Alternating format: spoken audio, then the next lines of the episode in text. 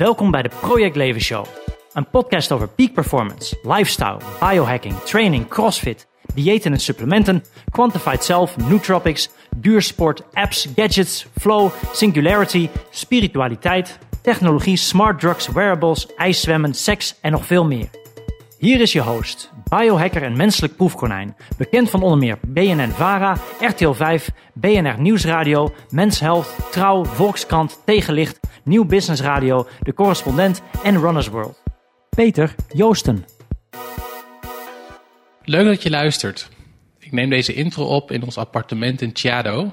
En Chiado is een heel leuke wijk in Lissabon. En daar ben ik deze week samen met Suzanne voor een paar dagen. Daarom klinkt het misschien holler dan je van mij gewend bent, deze intro. Dus ik zal het niet te lang maken. In deze podcast kun je zo meteen luisteren naar een gesprek dat ik had met Ji Chiu. En als je denkt, die ken ik ergens van, dat klopt. Want ik heb hem eerder ook geïnterviewd. Dus dit is een vervolg. En voor mij was het ook wel weer een, uh, een nieuwe uitdaging.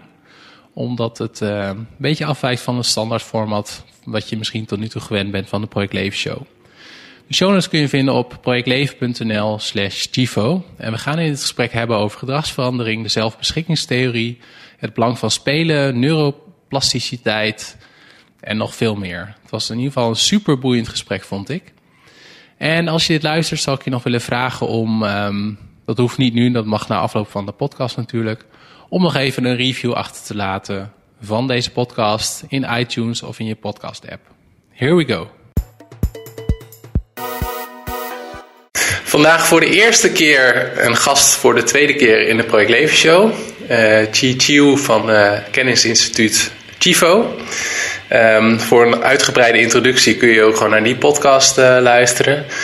Ja, Chi, hoe gaat het met je? Ja, heel goed. Dankjewel. En wat een eer voor de tweede keer.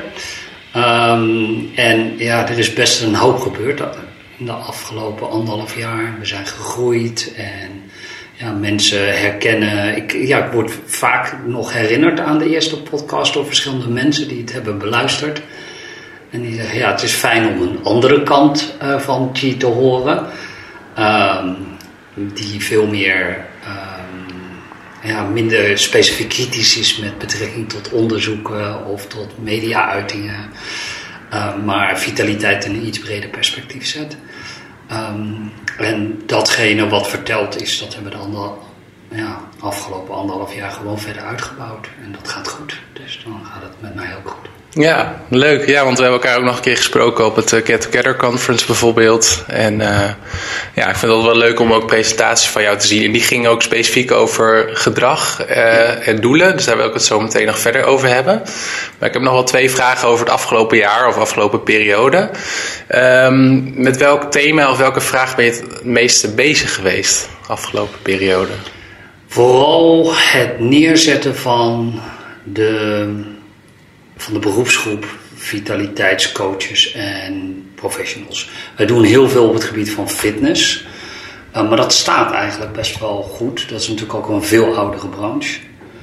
Um, maar de vraag waar we echt de afgelopen anderhalf, twee jaar mee bezig zijn, is um, de, hoe gaan we de markt uitleggen wat een vitaliteitscoach en een vitaliteitstherapeut feitelijk doet. Ja, en als we nu in een uh, lift staan en je doet een elevator pitch en je hebt 30 seconden om het aan mij of de luisteraars te vertellen. Ja. Wat zou je dan doen? Wat zeggen? Nou, dan helpt een vitaliteitscoach feitelijk om uh, meer uit het leven te halen. En dat betekent concreet dat hij zich vooral richt op allerlei stressoren. Um, want mensen krijgen stress van uh, hoe ze eruit moeten zien, van wat ze moeten eten, wat er van ze verwacht wordt uh, zichzelf niet kennen. Ze krijgen stress van relaties, ze krijgen stress op het werk. Um, en stress is wat ons betreft de tegenpol van vitaliteit, omdat vitaliteit heel sterk in verband staat met vrijheid en autonomie. En stress, en met name negatieve stress, want dat is dan waar we het over hebben, vooral verlies van controle is en daarmee beperking van de autonomie. En wij kunnen mensen vaardigheden leren om uh, daarmee om te gaan zodat ze meer uit leven kunnen halen. Ja, en uh, je noemde net al van, uh, um, ja, dat je ja, zeg je dat? Je kruistocht ook niet stopt voor, voor uitingen in de media als het gaat om, om diëten, fitness, et cetera. Is er nou ook iets waarvan jij zegt van hé, daar ben ik van mening over veranderd zelf in het afgelopen jaar? Afgelopen jaar vind ik wel lastig, omdat dingen niet heel snel veranderen. Ehm, als het gaat om de wetenschappelijke inzichten. En dat is toch wel een beetje de leidraad. Uh, maar als ik het over een iets langere periode mag trekken, dan ja, zijn de hele belangrijke thema's dat. Um, is bijvoorbeeld ons standpunt ooit over obesitas, dat dat per definitie ziekmakend is. Dat hebben we moeten veranderen, omdat de data daarmee in strijd was. Als het gaat om pijn en schade, dat, um, en vooral in je beweegkwaliteit, ja, dan hebben we dat moeten veranderen. Dat, ja, dat er niet per definitie zoiets is als slecht bewegen. Uh, en dat als iemand niet optimaal beweegt, en daarmee bedoelen we met minimale energielekken, dat dat niet per definitie leidt tot schade en of blessures en of pijn. Uh, ik denk als we. Ja, dat zijn denk ik toch wel de twee onderwerpen die, die, waar we echt van standpunt hebben moeten veranderen. Ja, want hoe zit het dan precies met pijn? Om even op het tweede punt door te gaan. Ja. Daarvan zeggen jullie dat het niet, uh, wat ik heb begrepen, dat het niet altijd een fysiologisch, uh, oor, fysiologische oorzaak heeft. Klopt dat? Nee. Um, er is als het, het, er kan natuurlijk een fysiologische bron zijn, maar dat veroorzaakt niet de pijn. Uh, maar pijn is in dat geval wel functioneel. Um, dus als je een bot breekt, dan heb je pijn. En uh, de pijn is functioneel, want dan moet je het gewoon niet belasten, zodat het kan helen. Maar soms heb je pijn zonder een aanwijsbare oorzaak of schade. Um, en dan noemen we dat dan ja, pijn zonder pathologie, dus zonder onderliggende ziekmakende oorzaak. En dan is pijn zelf de pathologie. Um, en dan heeft het geen zin om, uh, om oefeningen te doen of om van dieet te veranderen of dat soort dingen. Uh, dan zul je hele andere dingen moeten doen. Nou, als het gaat om fysiologische pijn, dus functionele pijn, daar zie je heel sterk het verband. De, uh, dit is iets wat iedereen herkent. Is als je als klein kind valt en je hebt een enorme schaafwond nou, pijn, gillen, huilen uh, enzovoorts. Nou, dan komt je moeder, die geeft een kusje op de wond. Um, en de pijn is verdwenen en je gaat door met spelen. Maar het is heel duidelijk dat de wond niet genezen is. Um, en daar zie je dus heel duidelijk dat pijn en schade geen directe relatie met elkaar hebben. Nou, naarmate we ouder worden, ga je zien dat we veel meer pijntjes hebben heel veel mensen krijgen gewoon meer pijntjes naarmate ze ouder worden. Uh, ze krijgen ook meer schade. Uh, net als dat je huid gaat rimpelen, ga, ja, ga je zien dat je um, ja, afwijkingen krijgt, als het ware, van toen je jong was. Um, en je hebt meer pijn. En ik, ik zou. Uh, dus ik snap wel dat dat verband gelegd wordt. Um, en als je jong bent, dan genees je ook sneller. Um, maar je ziet dat als een kind uh, na een kusje op de wond geen pijn meer heeft, dat al die factoren dus kennelijk niet belangrijk zijn. Dat, is het, dat maakt het verschil niet.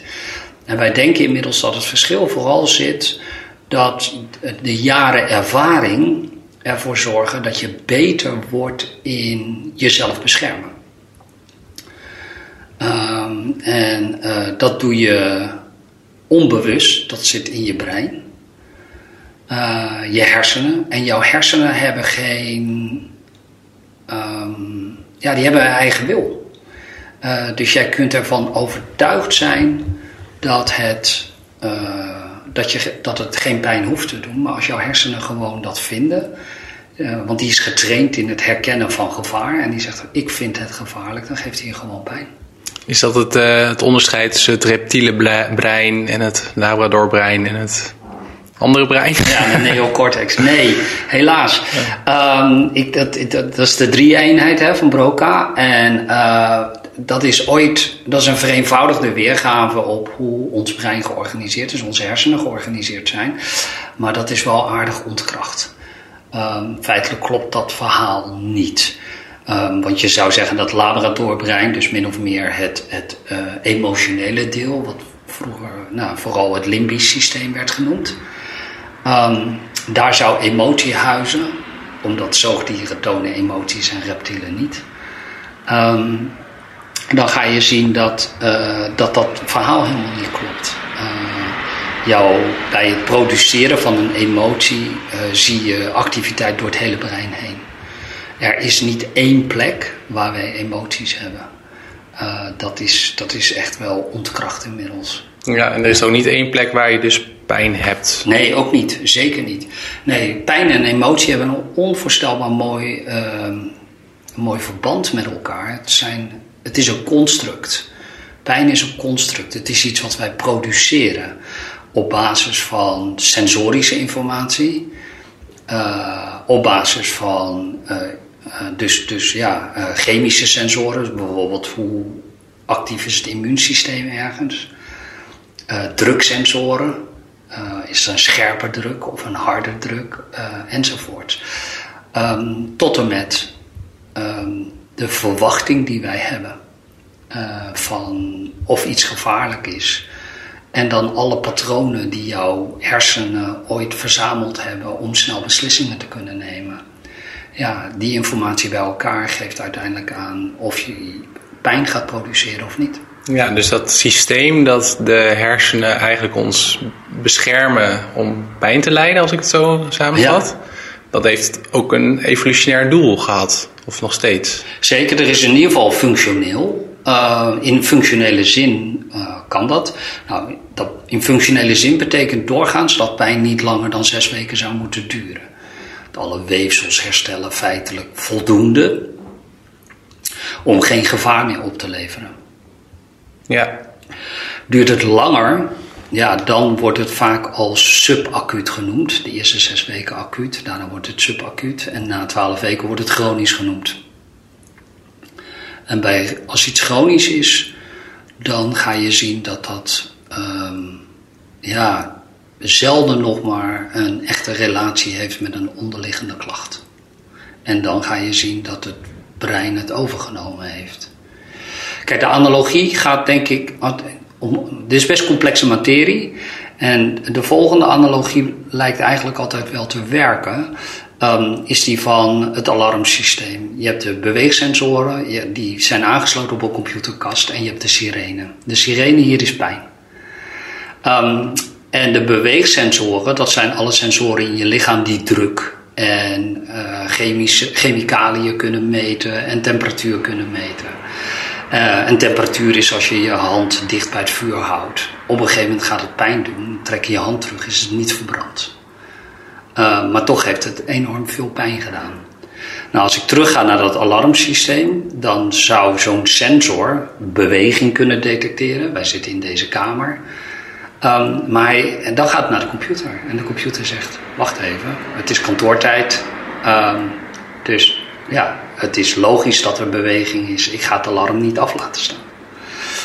Um, en, uh, maar als het een andere situatie heeft, bijvoorbeeld midden in de nacht, dan kan hij besluiten om de sirene uh, aan te zetten. Nou, dat is een goed werkend systeem. En dat is functionele pijn, is ook zo'n goed werkend systeem. Er is een aanleiding en de logica zegt die druk hoort daar op dit moment niet. Uh, dus ga ik jou pijn geven.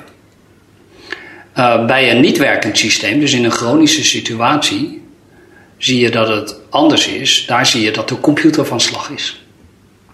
En het net als met de autoalarm die afgaat in de straat. Ja, er wordt niet ingebroken en dat kring blijft maar afgaan. Uh, en dan is de computer van slag. Nou, en de vraag is, als we het dan over een onderwerp hebben wat jij, en waar jij door gefascineerd bent, uh, biohacking, is hoe je dat systeem zou kunnen resetten um, bij mensen met chronische pijn.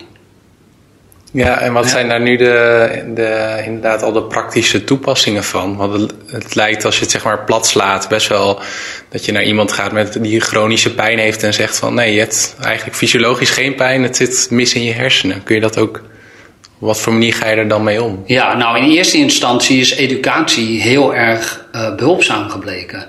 Uh, in bijna alle gevallen zie je dat mensen risicomijdend gedrag vertonen. Om de simpele reden dat ze denken dat ze meer schade creëren.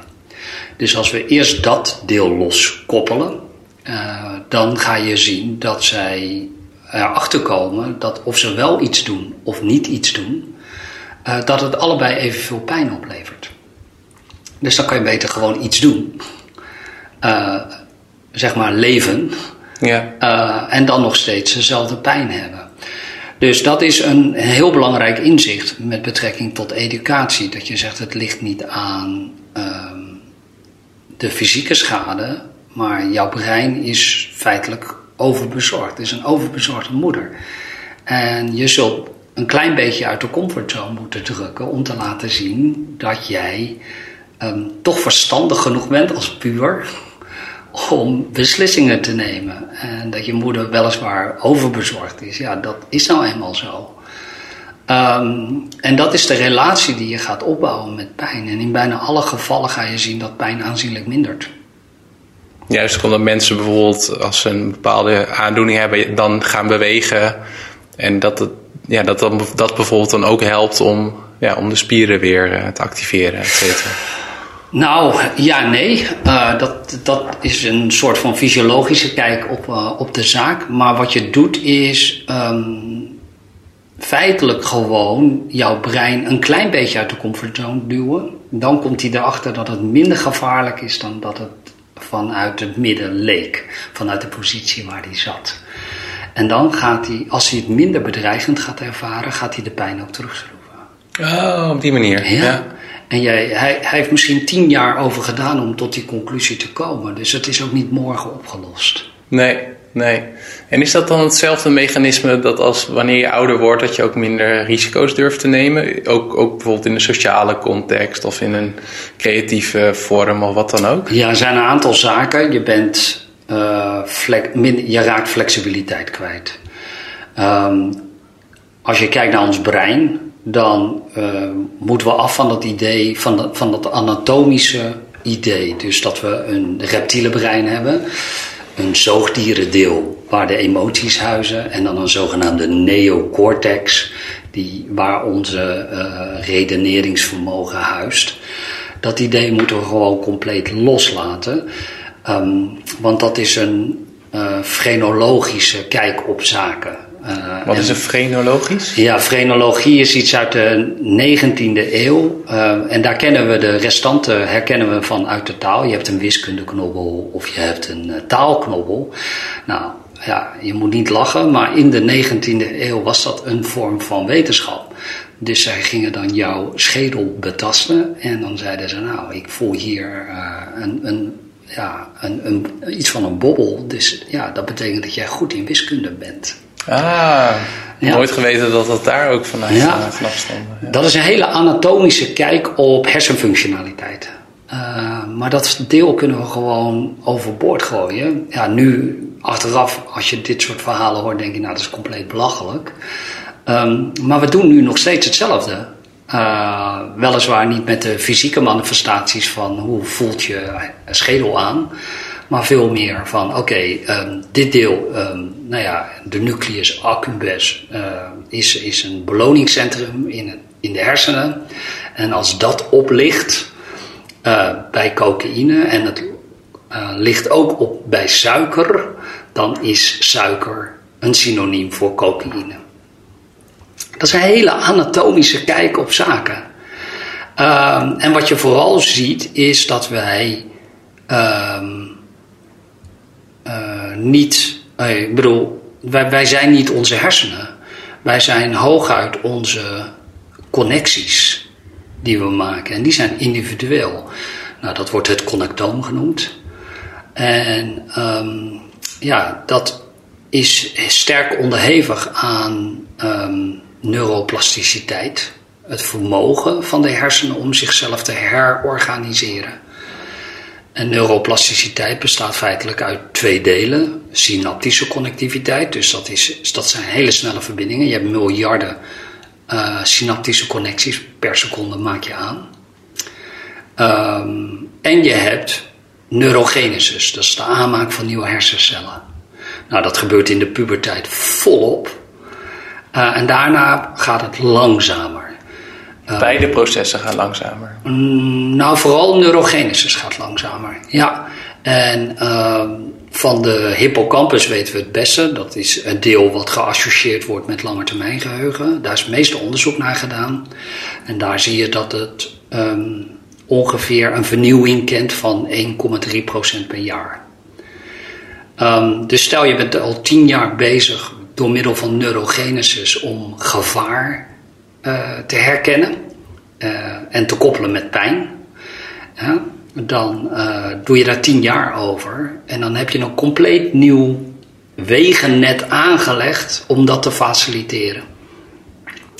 En dan vertelt iemand je, ja, sorry, maar die pijn is helemaal niet gerelateerd aan jouw fysieke schade. En dan gaan zij zeggen, ja, maar, uh, maar ja, oké, dat geloof ik ook echt, dat geloof ik, maar ik voel nog steeds pijn. En dat is een interessante, want het heeft tien jaar geduurd om dat te bouwen. Dat is ook niet van de ene dag op de andere dag veranderd. En ik kan je dat heel goed illustreren. De luisteraars kunnen dat niet zien, maar misschien kun je dat even dan natekenen. Als je achter je kijkt, zie jij twee lijnen. En dan moet je niet naar de pijltjes kijken, maar naar de lijnen zelf. Welke van de twee zou jij, vind jij langer? De bovenste of de onderste? Uh, ja, ik zal ook een foto maken voor de mensen die nu luisteren, ja. uh, maar de onderste. Ja, nou en als je nu gewoon uh, de vakjes telt, want het staat op een ruitjespapier en je pakt alleen de lijn zelf. Ja, dan, zie je dat, het, dat ze exact dezelfde lengte hebben. Ja, dat zie ik, ja. Ja. um, en ook al als je weer omdraait en je kijkt, zal je eerste indruk per definitie zijn dat de onderste lijn langer is. En dit is wat er gebeurt als jouw brein vindt dat het gevaarlijk is, jouw pijn geeft, maar jouw gedachten en jouw educatie, jouw kennis, jouw verwachtingen zijn anders. Jij zegt nee, ik weet dat het niet zo is, dan kun je nog steeds pijn voelen. Jouw brein neemt het gewoon nog steeds over. Dat wil niet zeggen dat het niet kan veranderen, maar het brein laat zich niet dicteren. Het laat zich hooguit informeren. En als dat maar overtuigend genoeg is, dan gaat hij een nieuw wegennet aanleggen. En dan gaat neurogenesis aan bijdragen dat chronische pijn minder wordt of misschien zelfs verdwijnt. Ja, dus educatie is daar ook al heel, uh, een hele belangrijke stap in. Ja, en het brein uit zijn comfortzone drukken. Ja. Uh, dus zeggen, nou ja, jij dacht dat ja, als ik, weet ik veel, een squat maak, dat, dat ik dan afbreek. Uh, maar ik doe nu halve squats en je geeft me net zoveel pijn, maar ja, je ziet dat er niks gebeurt. Breekt niet af. Ja. Um, en die combinatie, nou, daar, dat kun je verpakken in een complete therapie. En dat is wat vitaliteitstherapeuten doen. Um, die, uh, die kunnen mensen helpen met chronische pijn. Het is educatie, het is op een gestructureerde manier het brein uit de comfortzone drukken. Um, en wij noemen het altijd maar onderhandelen met het zenuwstelsel. Ja, dat is wel een mooie, mooie benaming. Onderhandelen met het zenuwstelsel. Ja, en dat betekent dat je het complete ecosysteem ook moet gaan managen. Uh, en daar bedoelen we mee slaap, uh, bewegen enzovoort. We weten dat als je een nacht slecht slaapt, dan heb je vaak, niet altijd, heb je meer pijn. Uh, nou, het is niet zo dat je meer schade hebt opgelopen in de nacht. Dus dan zie je hoe pijn dynamisch is en hoe het kan fluctueren. Um, maar wij moeten bijvoorbeeld als professional heel erg oppassen uh, om dat te melden. Omdat als iemand als een keer slecht slaapt, dan ligt hij de halve nacht wakker met: oh, daar komt de pijn. Ja. Ja. Dat heeft ook weer met die verwachtingen te maken. Ja, het heeft met verwachtingen te maken en een deel met, uh, met ethiek. Um, dus uh, de, de manier en de, de professionele manier waarop je omgaat met mensen en met, met, met, met de cliënten. Ja, het is trouwens wel heel wonderlijk. Ik heb het is even een zijstapje, maar ik vond het een interessant voorbeeld wat je gaf over de wiskunde en de taalknobbel. Ja. Ik heb net een boek gelezen, The Gene, van, eh, dat gaat allemaal over genetica. Dat Ja. Ontzettend interessant, maar dat, eh, dat ze vroeger ook dachten dat een, eh, de foetus, dat dat eigenlijk al in, in de spermacel van een man zat. En dat het pas later, zeg maar, achterkwamen achter DNA en, Ja. en de chromosomen en dat soort dingen. Dus daarvan ben ik wel benieuwd van eh, over 50 jaar. Misschien kijken we ook terug naar deze tijd en denken van nou, wat we toen dachten over onze hersenen of weet ik veel wat, dat was echt waanzin. Ja. Maar dat, dat maakt wetenschap wat mij betreft ook zo leuk. Ja, ja zeker. Ehm, ja, want wetenschap gaat nooit over. Ehm, gaat wel over waarheidsvinding, maar gaat nooit over de waarheid. Omdat de eerste regel in wetenschap is dat je niets kunt bewijzen. Het is gewoon de eerste regel. Eh, dus dan heb je het alleen nog over waarschijnlijkheid. Ehm, en ik illustreer dat altijd maar met het volgende voorbeeld. Eh, de deur is nu dicht en als we hoefgetrappel achter de deur zouden horen, ja, dan kun je zeggen, nou, het zijn paarden. Ehm, of het zijn eenhoorns. Het kan allebei. En totdat we de deur openen, weten we het niet. Uh, maar ja, logica en waarschijnlijkheid dicteert dat de een toch, ja, dat de kans dat het paarden zijn veel groter is.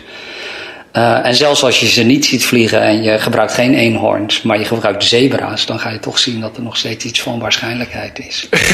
um, ja, nog even los van het gegeven dat we op de tweede verdieping zitten. Maar, uh, uh, maar dat, is, dat is hoe wetenschap natuurlijk werkt bij. Uh, want elk experiment wat je doet met een bepaalde uitkomst kan volgende week ontkracht zijn. Um, dus je, uiteindelijk haal je al die dingen bij elkaar en dan ga je, neem je een verklaring met de minste aannames. En, en dat vertaal je naar een, een aanpak met de minste aannames. En zo zijn wij vooruitgekomen. Zo zijn we uit de middeleeuwen gekomen. Ja. En uh, ik ga even een ander paadje in, maar ik denk dat we wel weer op het brein uh, terechtkomen. Uh, wat weerhoudt mensen in algemene zin ervan om hun doelen te halen? Om bijvoorbeeld als ze uh, bij het start van een nieuw jaar een bepaald aantal voornemens hebben om te stoppen met roken of minder te drinken of meer te sporten, om ja. hun gedrag te veranderen. Ja.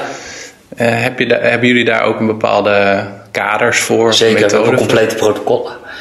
Uh, maar er zijn heel veel zaken. Allereerst is het gewoon de omgeving en omveld. Als je de omgeving niet verandert, wordt het al aanzienlijk lastiger. Um, wij werken op triggers. Um, tijdens de GTC hadden we bijvoorbeeld zo'n hele concrete manier van hoe kun je gewoontes veranderen. Maar dan zul je eerst je gewoontes in kaart moeten brengen. En wij hebben ja, zo'n 95% van ons gedrag is geautomatiseerd. En mensen vinden dat heel vaak, um, 95%, maar daar zit alles in, tot en met het kunnen strekken van je vinger enzovoort. Dat is ook gewoon gedrag.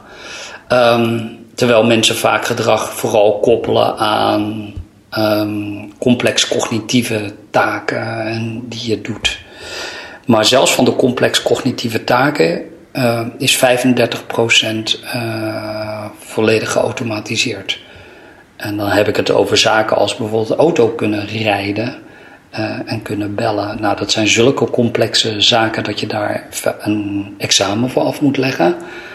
En toch kun je dat compleet wegautomatiseren. Dus dat zijn een aantal, dat, dat is een, een, belangrijk aandachtsgebied.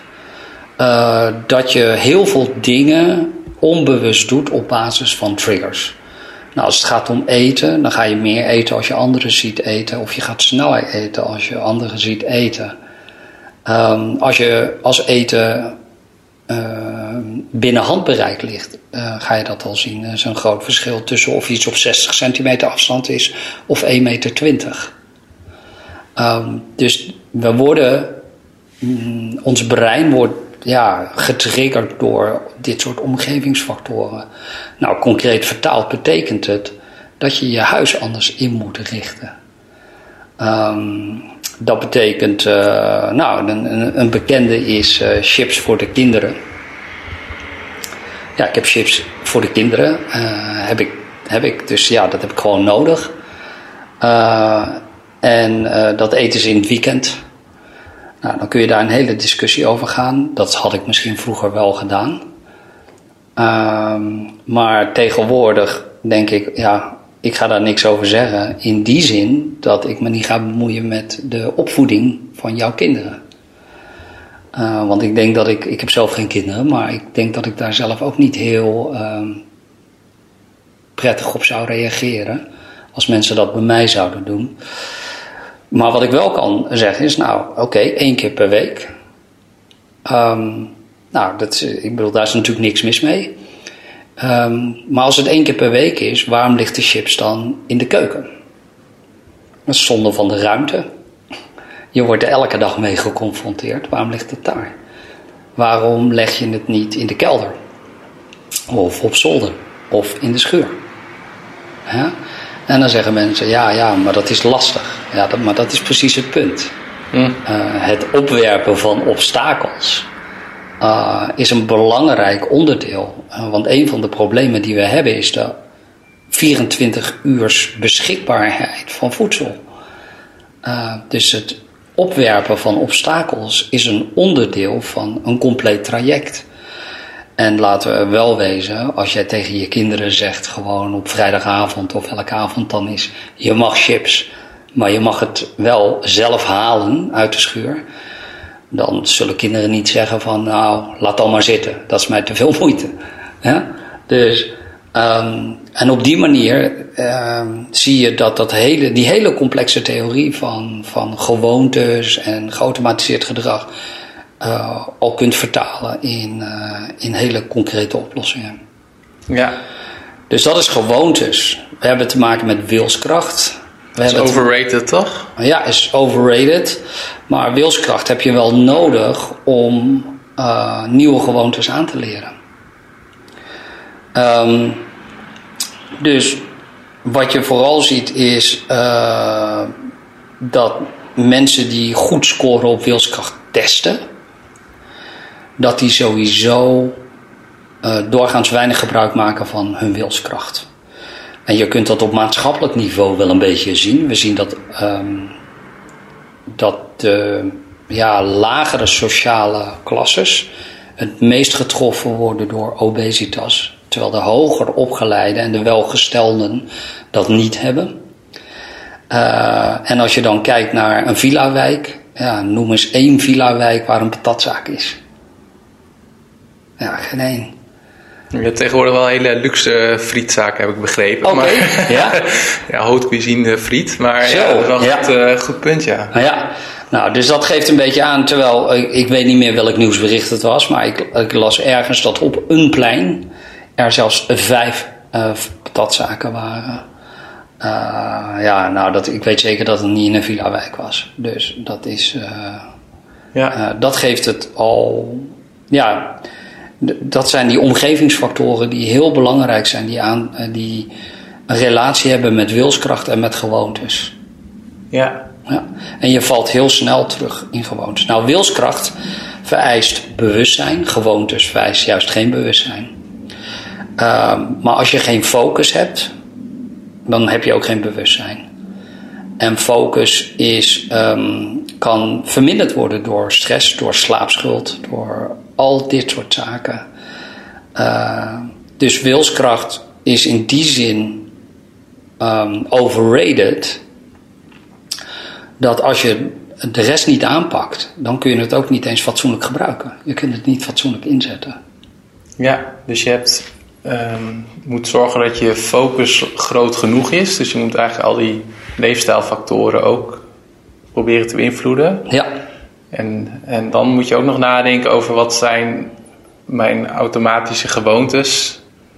En uh, kan ik daar inderdaad wat barrière, voor de slechte gewoontes wat barrières voor opwerpen? Zeg ja, zo goed? Ja, barrières of, uh, of kunnen vervangen van bepaalde gewoontes. Kijk, gewoontes is aangeleerd gedrag, dus je kunt dat ook, uh, je kunt daarvoor in de plaats ook nieuw gedrag aanleren. En klopt het ook dat in het vervangen inderdaad makkelijker is dan het niet doen? Dus dat je beter inderdaad een, een, sinaasappel kan eten bij de thee in plaats van je chocola, ik noem maar wat. Ja, je kunt beter vervangen omdat de triggers zijn er. Wij zijn patroonherkenningsmachines. Dat is wat we doen. Uh, en ook al is het patroon er niet, dan verzinnen we het gewoon. Maar wij houden van patronen. Uh, wij creëren samenhang. En dat doen we dus ook met triggers en gedrag wat daarna volgt. Um, dus als wij zeggen, ja, uh, daarna doe je niets, dat is wel lastig. Um, dus kun je het beter vervangen voor iets anders wat, jij, wat gewenst is. Ja. Maar triggers zijn wel heel complex hoor. Ik weet dat van. Uh, kijk, wij weten van, van uh, dat je elke avond moe thuis kan komen. Van je werk, hard gewerkt, voldaan, trap je schoenen uit. Je gaat eerst even rustig een uurtje zitten enzovoort. Om bij te komen voordat je aan de slag gaat met andere dingen. En dat, dat is dus een gewoonte, er verandert niks. Behalve vrijdag. Vrijdag kom je wederom moe uit je werk. Uh, maar dan gebeuren er hele andere zaken. Je hebt ineens energie. Uh, maar je hebt ook gewoon acht uur gewerkt. Uh, je hebt in de file gestaan, je komt thuis, alles is hetzelfde. En toch reageert jouw lijf anders. En daar zie je dat het brein geïnformeerd wordt door lichaamssignalen, maar ook door de verwachting en de emoties en dat soort zaken. En die bepaalt dan of jij wel of niet moe bent. Um, en of die dat vrij gaat geven. Uh, en dan zie je dus hoe moeilijk triggers zijn.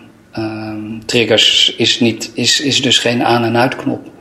Het, uh, die triggers zijn echt gekoppeld aan heel veel inputsignalen. Ja, dus je kan niet heel. Niet, zeg je, dat? je kan het tot een bepaalde hoogte kun je het rationaliseren en een soort van als dit dan dat regels voor jezelf ja. verzinnen. Ja. Alleen je hebt er niet uh, volledige invloed op. Nee, er zijn zoveel variabelen die je gewoon niet kent. Nee. En is het wel mogelijk om uh, wilskracht te trainen? Ja, het is, wel, het is zeker mogelijk, omdat dat gewoon valt onder neuroplasticiteit. Maar wat je bijna doet, is wilskracht min of meer omzetten in gewoontes. Dus je, wat je doet, is wilskracht gebruiken om uh, gedrag aan te leren. En dat gedrag wordt een gewoonte.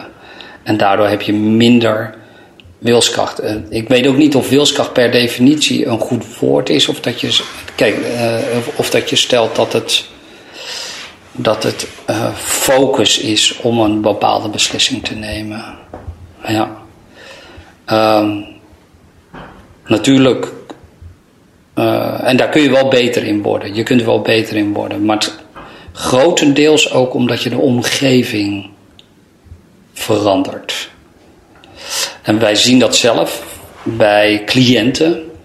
Uh, afslanken, blijvend afslanken is voor een hele grote groep nagenoeg onmogelijk gebleken. De kans bijvoorbeeld dat iemand die obese is, binnen vijf jaar nog steeds zijn gewicht, uh, nou ja, zijn, zijn, uh, niet, niet op hetzelfde gewicht teruggevallen is, is 1%. 1 procent. is 1 procent. Ja, en toch zien wij het. Wij zien het dat het kan. Er zijn voorbeelden van.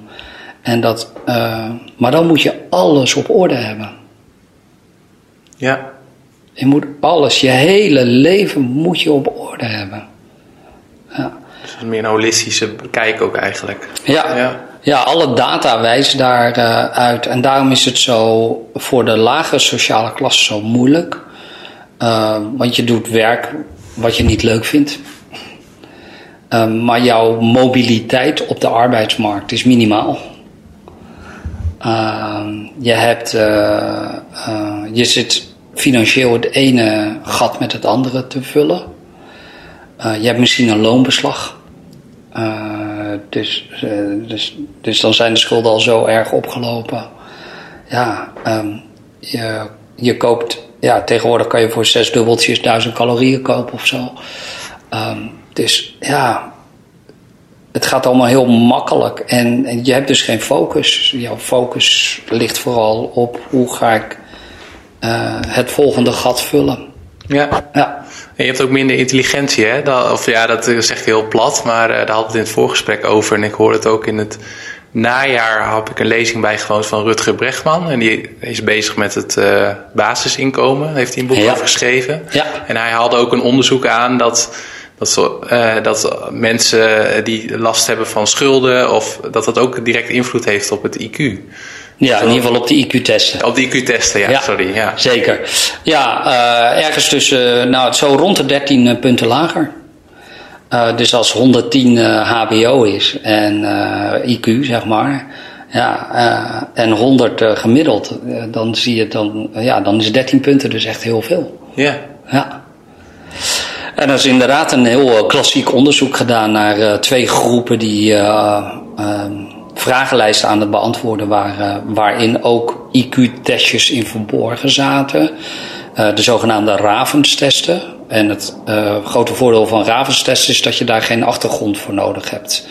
Het zijn symbooltjes die in een bepaalde logische vorm ten opzichte van elkaar staan. Dus je, hebt daar, ja, je hoeft er geen taal voor te kennen, je hoeft er weet je, al dat soort dingen niet te kennen. Um, en wat zij hadden waren twee groepen die beide representatief waren voor de Amerikaanse bevolking. Um, en um, uh, dat betekent dus arm, rijk, uh, hoge opleiding, lage opleiding uh, van allerlei rassen. En het bleek dat in één groep dat er niet echt heel veel verschil was tussen die testen. Uh, en de andere groep zat dus kennelijk 13 punten verschil tussen hoge en lage inkomens. En het grote verschil was maar één vraag. En die stond uh, redelijk voorin. En de vraag was: stel je auto gaat stuk. Um, en je moet hem laten repareren en het kost 150 dollar.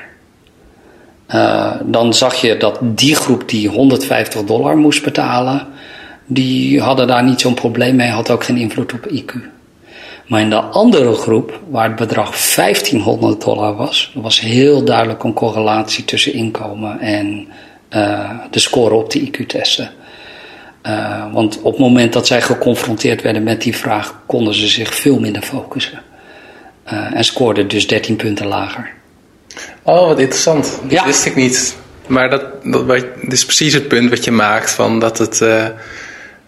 En dat je zeg maar naar zo'n test kan kijken en, en daar dingen aan, aan, kan verbinden. Maar dat het dus veel meer dat het echt gelijk invloed heeft op, op het stress, stresssysteem van die mensen die die ja. testen aan het invullen waren. Zeker. Ja, ja. Oh, interessant. Ja. En ik kan me ook nog een ander onderzoek herinneren. Het blijft een beetje in het onderzoek. Maar ik pas hem nu wel toe. Dat ook als je dat, uh, twee groepen gingen ze kijken van die begonnen met flossen. Ja. Eén ging flossen volgens mij voor het tandenpoetsen en de ander daarna. En dan de groep die het daarna deed, uh, die bleef het ook langer volhouden, omdat ze het dan hadden gekoppeld aan de trigger tandenpoetsen. Correct, ja. Drie keer zoveel mensen na uh, acht maanden als de mensen die het voor tandenpoetsen deden. Ja, dus voor de mensen die luisteren, als je wil gaan flossen, moet je het na het tandenpoetsen doen, want dan. Uh, dan is het in ieder geval qua volhouden makkelijker. Ja, zeker. er zijn ook hele discussies over wat nou beter is voor je tanden. Ja. Daar, gaan, daar gaan we het niet over hebben. Nee. En wat is de zelfbeschikkingstheorie? Nou, de zelf... verband mee? Ja, de zelfbeschikkingstheorie is, een, uh, is eigenlijk de best onderzochte theorie met betrekking tot de uh, behoeften van de mens. Basisbehoeften van de mens. Nou, iedereen kent wel de Maslow-pyramide. Uh, waarbij je een soort van eerst onderdak en veiligheid en uh, uh, moet verzorgen en eten. En daarna seksuele reproductie. En daarna kun je naar het stadium ontplooien. Nou, dat is een prachtige hiërarchie. Um, door um, nou ja, Abraham Maslow ooit geponeerd. Maar daarvan is gebleken dat dat niet klopt. Uh, wij weten heel veel mensen die zichzelf uithongeren in een ontplooiingsfase. Dus dan zie je dat die helemaal niet in een bepaalde hiërarchie uh, zitten. En zo zien we dat we heel vaak keuzes maken die helemaal niet een bepaalde volgorde uh, volgen. En, um, maar dat wil niet zeggen dat er geen basisbehoeften zijn. En in de zelfbeschikkingstheorie zijn zes mini-theorieën liggen eraan ten grondslag. En die gaan vooral over autonome motivatie. Dus als we het hebben over intrinsieke en extrinsieke motivatie, dat zijn hele bekende termen, dan komen die feitelijk voort uit onderzoek die bij de zelfbeschikkingstheorie hoort. Um, maar daar ligt het veel complexer. Uh, zij hebben het over autonome motivatie en dat hoeft niet altijd intrinsiek te zijn. Uh, ik kan dingen doen die ik niet leuk vind, maar omdat ik wel het nut ervan inzie. Dat is niet intrinsiek, dat is geïdentificeerde motivatie. Ik kan ook dingen doen die ik niet leuk vind, maar omdat ik gewoon vind dat het hoort. Dus als ik iets laat vallen op straat, dat ik het oppak en in de prullenbak doe. Ik geniet daar niet van. Ik, er is geen enkele uh, andere impuls dan dat het past binnen mijn waarden en normen. Um, en dat is geïntegreerde uh, motivatie. Maar als ik iets doe waardoor ik echt gedreven word, ik kan niet anders, of ik vind het heel leuk, dan noemen we dat intrinsieke motivatie. Nou, dat hoort allemaal binnen die uh, zelfbeschikkingstheorie. En zij zeggen dat die autonome motivatie toeneemt als er drie factoren voldoende bevredigd zijn. En de eerste is autonomie. Het gevoel hebben dat je beschikking hebt over je eigen keuzes. Het tweede is binding, dus de kwaliteit van je relaties. Ja. En de derde is competentie, het idee dat je ergens goed in bent.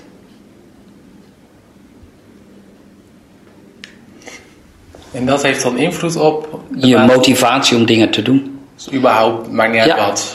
Op het terrein van gezondheid is gebleken dat uh, als, als uh, de autonomie en de binding en de competentie voldoende bevredigd zijn, dat de kans op slagen echt veel groter is. Uh, academische prestaties hetzelfde. binnen bedrijven hetzelfde. Dus bedrijven bedrijf presteren gewoon beter. op het moment dat aan die behoeftes wordt voldaan. Dus binnen bedrijfssituaties vrij makkelijk. Mensen vinden het fijn om externe doelen te hebben. Dus als, als een manager zegt, nou ik wil dat je dit project eh, doet of dit gaat doen. Dat vinden werknemers helemaal niet erg. Vinden ze, vinden ze vaak heel fijn zelfs. Um, dus dan vertel je wat ze moeten doen. Je vertelt ook wanneer ze het moeten doen. Waar werknemers een probleem mee gaan krijgen, is als je vertelt hoe ze het moeten doen. Uh, want dan ben je aan het micromanagen. Ja. En dat heeft heel veel invloed op de autonomie. Dat heeft invloed op die beschikking die je al ja. noemde. Ja. Um, dus daar zie je het terugkomen. Met binding is hetzelfde. Je kunt, als de sociale cohesie binnen een organisatie gewoon goed is, het is veilig, je kunt uh, dingen zeggen die enigszins risicovol zijn. Uh, als in we, we, we, hebben dit niet goed gedaan, of weet je, op die manier. Dan ga je zien dat dat, uh, dat dat helpt in de prestatie van het bedrijf. En de laatste is competentie. Als je dingen doet waar je goed in bent, uh, dan, en dan hoef je het niet eens per se leuk te vinden, dan ga je zien dat dat invloed heeft op de prestatie. Dus ook diezelfde zelfbeschikkingstheorie, of het gaat om gezondheid of om. Um, uh, het bedrijfsleven uh, of academische prestaties. Ja, daar zie je dat als je de drie uh, basisbehoeften voldoende kunt bevredigen, dat je een fundament hebt neergezet voor presteren, maar ook voor welbevinden. Ja, dus zowel presteren als welbevinden. Ja. En dat is dit wel een mooi, mooi raamwerk om ook te kijken naar inderdaad naar dingen die, uh, doelen die je nu wil bereiken. Of dat inderdaad is in, in als je nu aan het studeren bent, of, of aan het ondernemen bent, of in een bedrijf werkt, of inderdaad wil, uh, wil afvallen, of weet ik veel wat. Ja. Dat vind ik wel heel, eh, heel boeiend. Ja, zeker. Want heb je voldoende autonomie? Kijk, je, je moet voorstellen dat als je op dieet gaat, dan ontneem je jezelf autonomie. Nou, dat kan. Uh, dat kunnen we allemaal, want we doen allemaal wel dingen die we niet leuk vinden, die moeten. Uh, maar de vraag is, hoeveel autonomie ga je iemand afnemen en voor hoe lang? Um, dus als je al eerst begint met, nou ik ga op dieet, dan is de eerste is een restrictie. Ik kan niet alles meer eten wat ik wil. Dan zeg ik, nou, ik ga onderscheid maken tussen goede en slechte voedingsmiddelen. Dat betekent dat ik me ga onthouden van hele specifieke voedingsmiddelen. Dat is mijn tweede restrictie die ik opleg. Um, als ik dan ook uh, vind dat ik er op een bepaalde manier uit moet zien, dan is dat de derde restrictie die ik mezelf opleg. En hoe meer ik dus aan mijn autonomie ga sleutelen. Ga, ja, Knabbelen eigenlijk. ja, knabbelen eigenlijk. Ja. Uh, hoe moeilijker het wordt om mijn basisbehoeften te bevredigen, hoe slechter het fundament is om te kunnen presteren en, uh, en hoe slechter een fundament heb voor welzijn.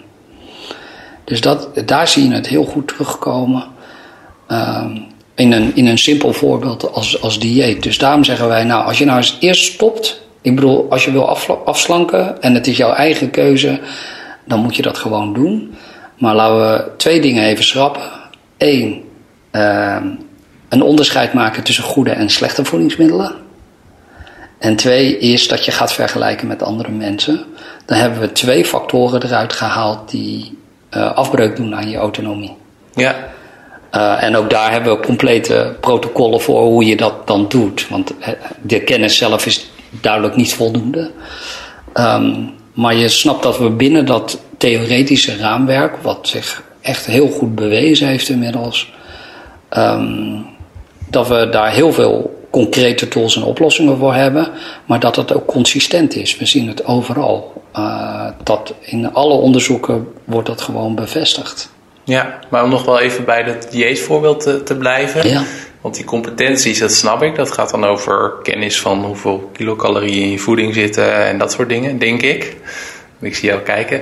Ja. En binding gaat over ja, de, de, de sociale context waarin je ook je Ja. dieet wil volhouden of hè, je, je leefstijl wil volhouden. Ehm, even kijken hoor. Nou, de autonomie is zeg maar vooral de ervaring van hoeveel beperkingen je jezelf oplegt. En hoe meer, hoe moeilijker het wordt om het vol te houden. Ja? Ja, de competentie kan zijn is dat je het op een manier doet die bij jou past. Oh ja, dus het is breder dan alleen kennis. Ja, het is echt. eh, nou, stel je kunt heel goed koken en je maakt daar gebruik van. Dan, is dat de manier waarop je, de, eh, je dat traject in kunt zetten. En binding, ja, dat heeft alles te maken natuurlijk eh, niet alleen met sociale steun. Eh, maar ook of je het met een groep doet. Eh, doe je het met z'n allen, zonder dat je politieagent eh, voor elkaar gaat worden. En we weten bijvoorbeeld dat als je geen steun hebt in je gezin, dat het al moeilijker wordt. En als die steun niet altruïstisch is, dan wordt het ook moeilijk. Dus als jouw man het wel uitstekend vindt dat je gaat diëten, omdat hij vooral vindt dat hij een slankere vrouw wil hebben, dan is dat weinig altruïstisch. Dat is heel egoïstisch en dat blijkt ook ja, alleen op korte termijn te motiveren. Ik was ook nog wel benieuwd, en, want we hebben nu veel gehad over het brein en gedrag en eh, Ja. super interessant. Ehm, maar ik kwam ook iets tegen waarin jij schrijft van het is eh, ook belangrijk om te blijven stoeien en te blijven spelen. Correct, En misschien ja. heeft dat ook wel weer met brein te maken, maar hoe zit dat precies? Want Ja, heel heel leuk. Ja, ehm, het, het grappige is dat het natuurlijk met, eh, met, met autonomie, binding en competentie te maken heeft. Eh, spelen is eh, vrijwillig. Ehm, dus dat, is, dat, dat sluit heel duidelijk aan bij autonomie. Nou, dat kun je gewoon in je eentje doen. Ehm, maar wat je ziet is dat binding daarin een soort van hele versterkende factor is. Ehm, want dat komt omdat je op elkaar gericht bent en de positieve emoties samen deelt. En dat is op dit moment de wetenschappelijke definitie van liefde. Ehm, dus je ervaart liefde. Liefde is een soort versterkende factor voor positieve emoties. Dus spelen, zeker als dat in, met meerdere mensen zijn, eh, is, dan, dan is dat, eh, gaat, gaat binding daar het effect versterken. Nou, comp- ja, competentie, ja, de dingen waarin je ehm, goed bent, ehm, ga je niet alleen zekerheid geven, maar geef je ook zingeving. Als, we, als we met z'n allen hetzelfde kunnen, ehm, ja, wat ga jij dan als honderdste nog toevoegen? Ja, dat is, dat is een vraagstuk. En, eh, maar als jij iets kunt wat anderen niet kunnen, dan voeg je iets toe aan de groep. En dat, heeft natuurlijk best invloed op, uh, op jouw welbevinden. En op een basisbehoefte die we hebben. Ja. Ja, dus hier is die zelfbeschikkingstheorie ook weer een lens waarmee je naar, ja. in dit geval spelen en stoeien kan kijken. Zeker. Ja. En het is natuurlijk een, een prachtige tool uh, om buffers te bouwen tegen stress. Kijk, het ervaren van positieve emoties uh, zorgt voor een buffer. Uh, en daarmee bedoel ik niet als je je rot voelt, probeer dan aan happy thoughts. Want dat is niet hetzelfde. Dat is, dat is escapisme. Um, maar regelmatig ervaren van positieve emoties zorgt ervoor dat je een, een buffer hebt. En dan herstel je sneller uit een negatieve emotie zonder dat je daar actief mee bezig bent. Oké, en spelen is een manier vanwege het sociale karakter en het vrijwillige en ook het, uh, het, ja, het, aanleren, het verscherpen of aanleren van vaardigheden om die buffer te vergroten. Ja. En wat zijn andere manieren om, uh, om je buffer te vergroten? Met betrekking tot stress en negatieve emoties. Ja, ja. bijvoorbeeld. Nou, um, sowieso kun je gewoon echt vaardigheden aanleren. Uh, hoe ga je om met negatieve emoties?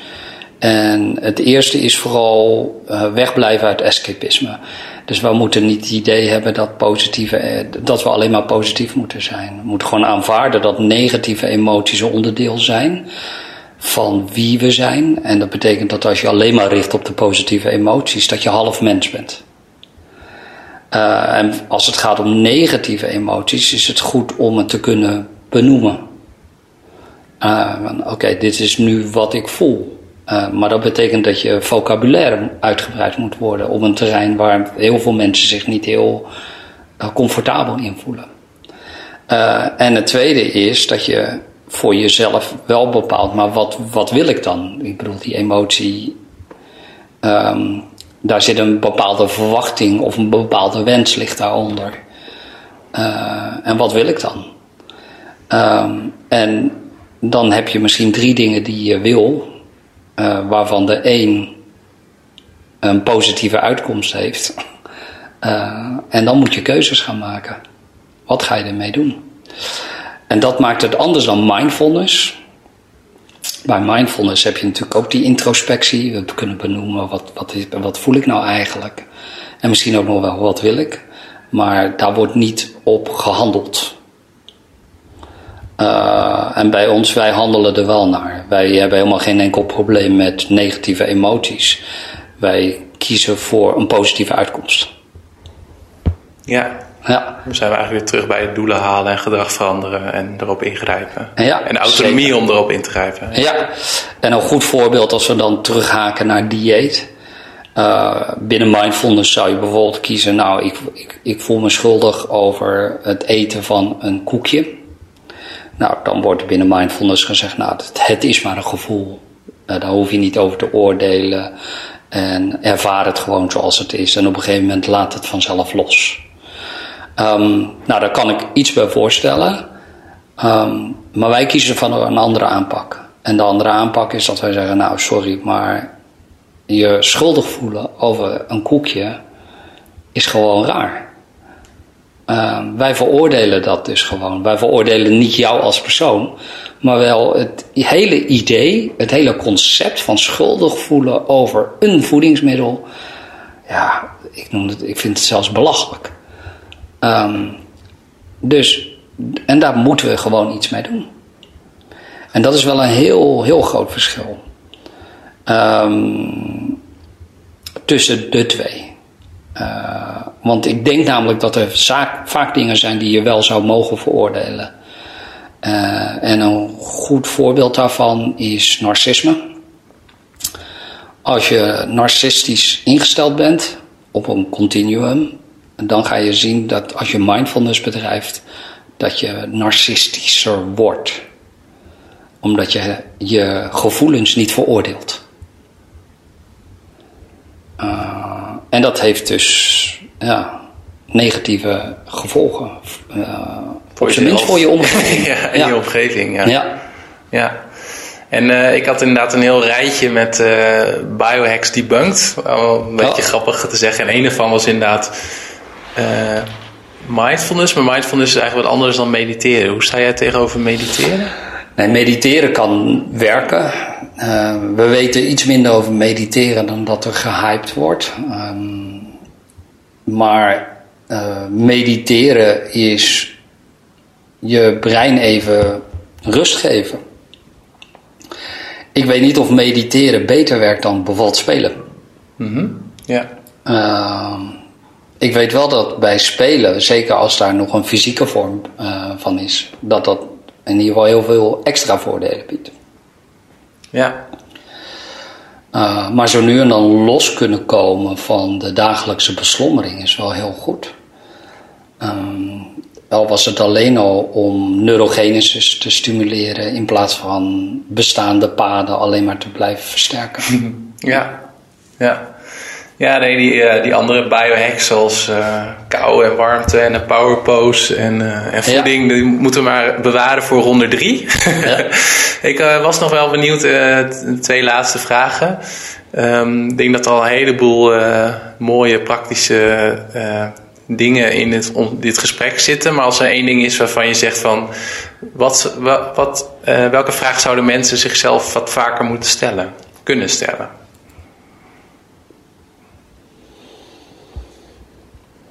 Waar blijkt dat uit? En dat geldt dus voor aannames in hun eigen leven, als ook ja. überhaupt in. Uh, ja, uh, of het nou gaat over het werk uh, wat ze doen. dit doe ik omdat ik dat leuk vind. Nou, waar blijkt dat uit? of ik wil slanker zijn, want dan word ik gelukkig. Oké, okay, maar waar blijkt dat uit? Ehm, jezelf toetsen, dat is nou zo bijzonder aan mensen. Dat vermogen, die eigenschap om dat te kunnen hebben. Dat is, dat is bizar. Dat is wat wij mensen uh, als geen ander kunnen. Um, en uh, dus die, als je jezelf als evalueert of je je troost of je stelt jezelf gerust met een bepaalde gedachte, dan is het dus gewoon goed om jezelf ook eens in twijfel te trekken. Ja. Ja. Waar uh, blijkt dat uit? Ja, waar blijkt dat uit? Ja. En we begonnen het gesprek met, uh, met een vraag over het afgelopen jaar. Maar ik dacht, nou, dat is misschien wel aardig om het cirkeltje rond te maken om nu vooruit te kijken. Ja. wat voor ontwikkelingen rondom coaching, voeding en psychologie en hersenonderzoek of wat dan ook, wat verwacht jij voor het komende jaar? Um, ik verwacht vooral veel meer doorbraken op het gebied van, van zaken als, als pijn, um, maar ook op het gebied van gedrag en voeding. Uh, inmiddels zijn we er toch wel uit dat als we het over specifieke nutriënten hebben of specifieke voedingsmiddelen, dat het een soort van in de marge werken. Um, wij moeten vooral kijken hoe wij mensen zover krijgen dat ze enige autonomie hebben over hun eten. Dat ze zelf kunnen bepalen: dit is genoeg of dit is de keuze die ik wil maken. Uh, dus bijvoorbeeld groente en fruit. Uh, we kunnen, ja, we, we, vervallen vaak in discussies over of er bestrijdingsmiddelen op zitten, of dat er minder vitamines en mineralen in zitten. Maar vanuitgaande dat 80% ja, het weet, zeg maar, dat je dat moet eten, uh, ja, dan kom je erachter dat maar 20% het daadwerkelijk eet. Ja, dat betekent dat we discussies voeren over producten die we niet eten. Uh, dus waarom hebben we het nog steeds over voeding in plaats van voeden, het gedragscomponent? En ik, wat we nu zien is dat er best steeds meer aandacht is voor het gedragscomponent rondom voeding. En dan is het heel jammer dat uh, Brian Wansink uh, is gevallen. Brian Wansink van Cornell Labs is, is een soort van rockster onder de voedingspsychologen. En die is ja, min of meer betrapt op p-hacking. Uh, hij heeft heel veel intuïtieve ideeën heeft hij in experimenten bevestigd. Maar daarvan is redelijk duidelijk dat dat uh, de niet de wetenschappelijke kwaliteit had uh, die het moet hebben. Ja, en dat is vorig jaar aan het licht gekomen. Dat is gaan rollen. En dat is een, uh, feitelijk nog ehm, echt een schandaal aan het worden. Ja. Maar begrijp ik, ik, volgens mij begrijp ik je niet helemaal goed. Zeg je eigenlijk van, eigenlijk, dat is jammer, want de ideeën die hij had waren best wel goed? Of zeg je van, dat is terecht? Want... Nou, wat we, ik vind het jammer dat hij is gevallen, omdat hij heel veel, hij heeft het, dat deel sexy gemaakt. Ja, ook toch ook als je eten eigenlijk op een kleiner bord doet, ja. dat je dan minder eet en dat soort Correct. dingen. Ja. ja. Uh, nou moet ik zeggen dat dat deel toevallig wel door een ander lab uh, bevestigd oh, is. Oh, gelukkig ja. maar. Ja. Uh, maar ja, er zijn heel veel onderzoeken waar nu soort, toch wel aan getwijfeld wordt, statistisch. Het zijn Nederlanders die dat overigens hebben gevonden. Hmm. de Universiteit van Groningen, die, die volgde zijn blog.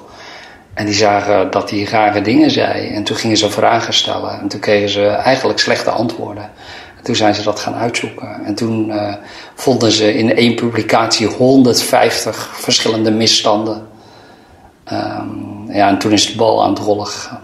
Ja. Ja. Dus maar uh, op dat terrein uh, verwacht ik wel heel veel meer onderzoek. als het gaat om de toekomst. We moeten vooral kijken naar gedrag. Gedrag rondom voeding. En niet zozeer voedingsmiddelen zelf. Um, want het grootste probleem nu nog steeds is dat we gewoon te veel eten. Ja. En hoe kijk je, laatste vraag, want ik vind hem wel interessant. Ik gaf twee weken geleden, geleden een lezing bij een uh, onderwijsinstelling over ja, biohacking en impact ja. van nieuwe technologie en quantified self. Ja. En een van de dingen die daar heel erg goed landde was dat ik vertelde over dat ik allerlei dieet heb geprobeerd en dan ook bijhouden van hoeveel ik eet. Maar dat je altijd daar nog een app voor nodig hebt. Dus ik gebruik er MyFitnessPal voor. Maar dat ik vertel van je hebt nu ook een, uh, op Kickstarter volgens mij, een smart plate. Dus dan doe je eten op en die laat, geeft, zegt dan hoeveel kilocalorieën en zo Ja. dat zijn. En je hebt ook van die smart uh, bekers waar je drank in doet. Ja. Denk je dat inderdaad dat dat een mogelijke oplossing kan zijn? Dat je meer van dat soort technologie ook hebt om mensen meer bewust te laten maken van uh, hoeveel ze, wat ze eten en hoeveel ze eten? Vind ik moeilijk. Um, als ik, want als we kijken naar alle diëten, uh, wij hebben heel veel cliënten en als we dan, uh, het eerste wat je doet met een cliënt is de anamnese, dus de, de, de historie. En dan vragen we, oké, welke dieet heb je gehad? Nou, dat, dat en dat. Nou, bij de eerste moesten ze uh, groenten schrappen en bij de tweede moesten ze vlees schrappen, de derde moesten ze gluten schrappen. En alles werkt. Um, dus ze hebben met alle drie succes behaald. Dus wij zeggen dan, is er dan een middel of een voedingsmiddel wat specifiek dikmakend is? Het antwoord is natuurlijk nee. Um, maar toch werken ze alle drie. Dus wat is het verband? Het verband is bewustzijn. Mindful eten. Want op het moment dat je iets niet mag eten, dan ben je mindful aan het eten. Het, um, dus dat is, dat is de onderliggende factor die zorgt voor het succes van alle diëten. Nou, is dat dan de oplossing? Het antwoord is nee, want alle diëten falen. En waarom? Omdat we niet gemaakt zijn om alles bewust te doen. Het lichaam heeft een tijdelijke fase van bewustzijn. En vervolgens gaat hij het proberen weg te automatiseren. Dat is wat het lichaam doet. En op het moment dat je dat uh, uh, goed ingeregeld hebt, dan wordt het makkelijker om iets vol te houden.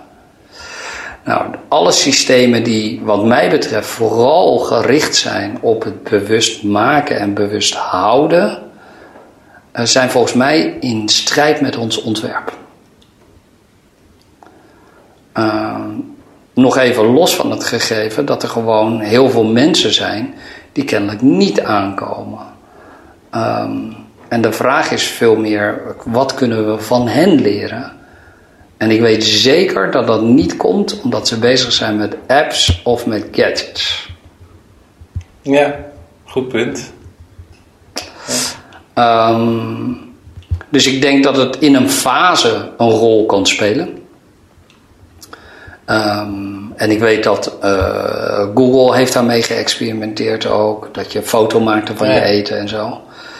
Uh, en men is ook nog naar optische uh, gadgets aan het kijken. Kun je nutriëntwaarde uitlezen uit je bloed. Um, maar de vraag is natuurlijk, als die hele groep, als er zo'n grote groep gewoon slank kan blijven en gezond kan blijven, wat kunnen we daar leren? En een ervan is dat ze die autonomie, binding, competentie vaak goed op orde hebben. Uh, en het tweede is dat hun omgeving vaak goed op orde is. Ja. Ja. Ja, dus je kan wel een mooi uh, slim bord kopen, maar ga eerst ook met de basis aan de slag eigenlijk. Hè? Ja, en ik denk dat de vruchten die, die daarvan afkomen echt uh, op veel meer gebieden um, ja, voldoening gaan geven. Ja. ja. Mooi einde. En uh, nou, waarschijnlijk ook met een stuk betere geluidskwaliteit dan de vorige keer. Dus uh, ja. uh, dankjewel weer voor dit ja. gesprek. Jij ook bedankt. Bedankt voor het luisteren naar de Projectleven Show. Vergeet je niet te abonneren op deze podcast. Wat ik leuk vind is als je een review of beoordeling achterlaat op iTunes. Ga naar projectleven.nl om op de hoogte te blijven van de podcast, de persoonlijke experimenten, vlogs en video's die ik maak en de meetups die ik organiseer. Je kan je daar ook abonneren op mijn nieuwsbrief en een gratis cheat sheet downloaden. Ga naar peterjoost.net als je meer wil weten over mijn advieswerk, lezingen, workshops en presentaties die ik geef. Ga naar patreon.com slash projectleven om te laten zien dat je een supporter bent van de Project Leven Show.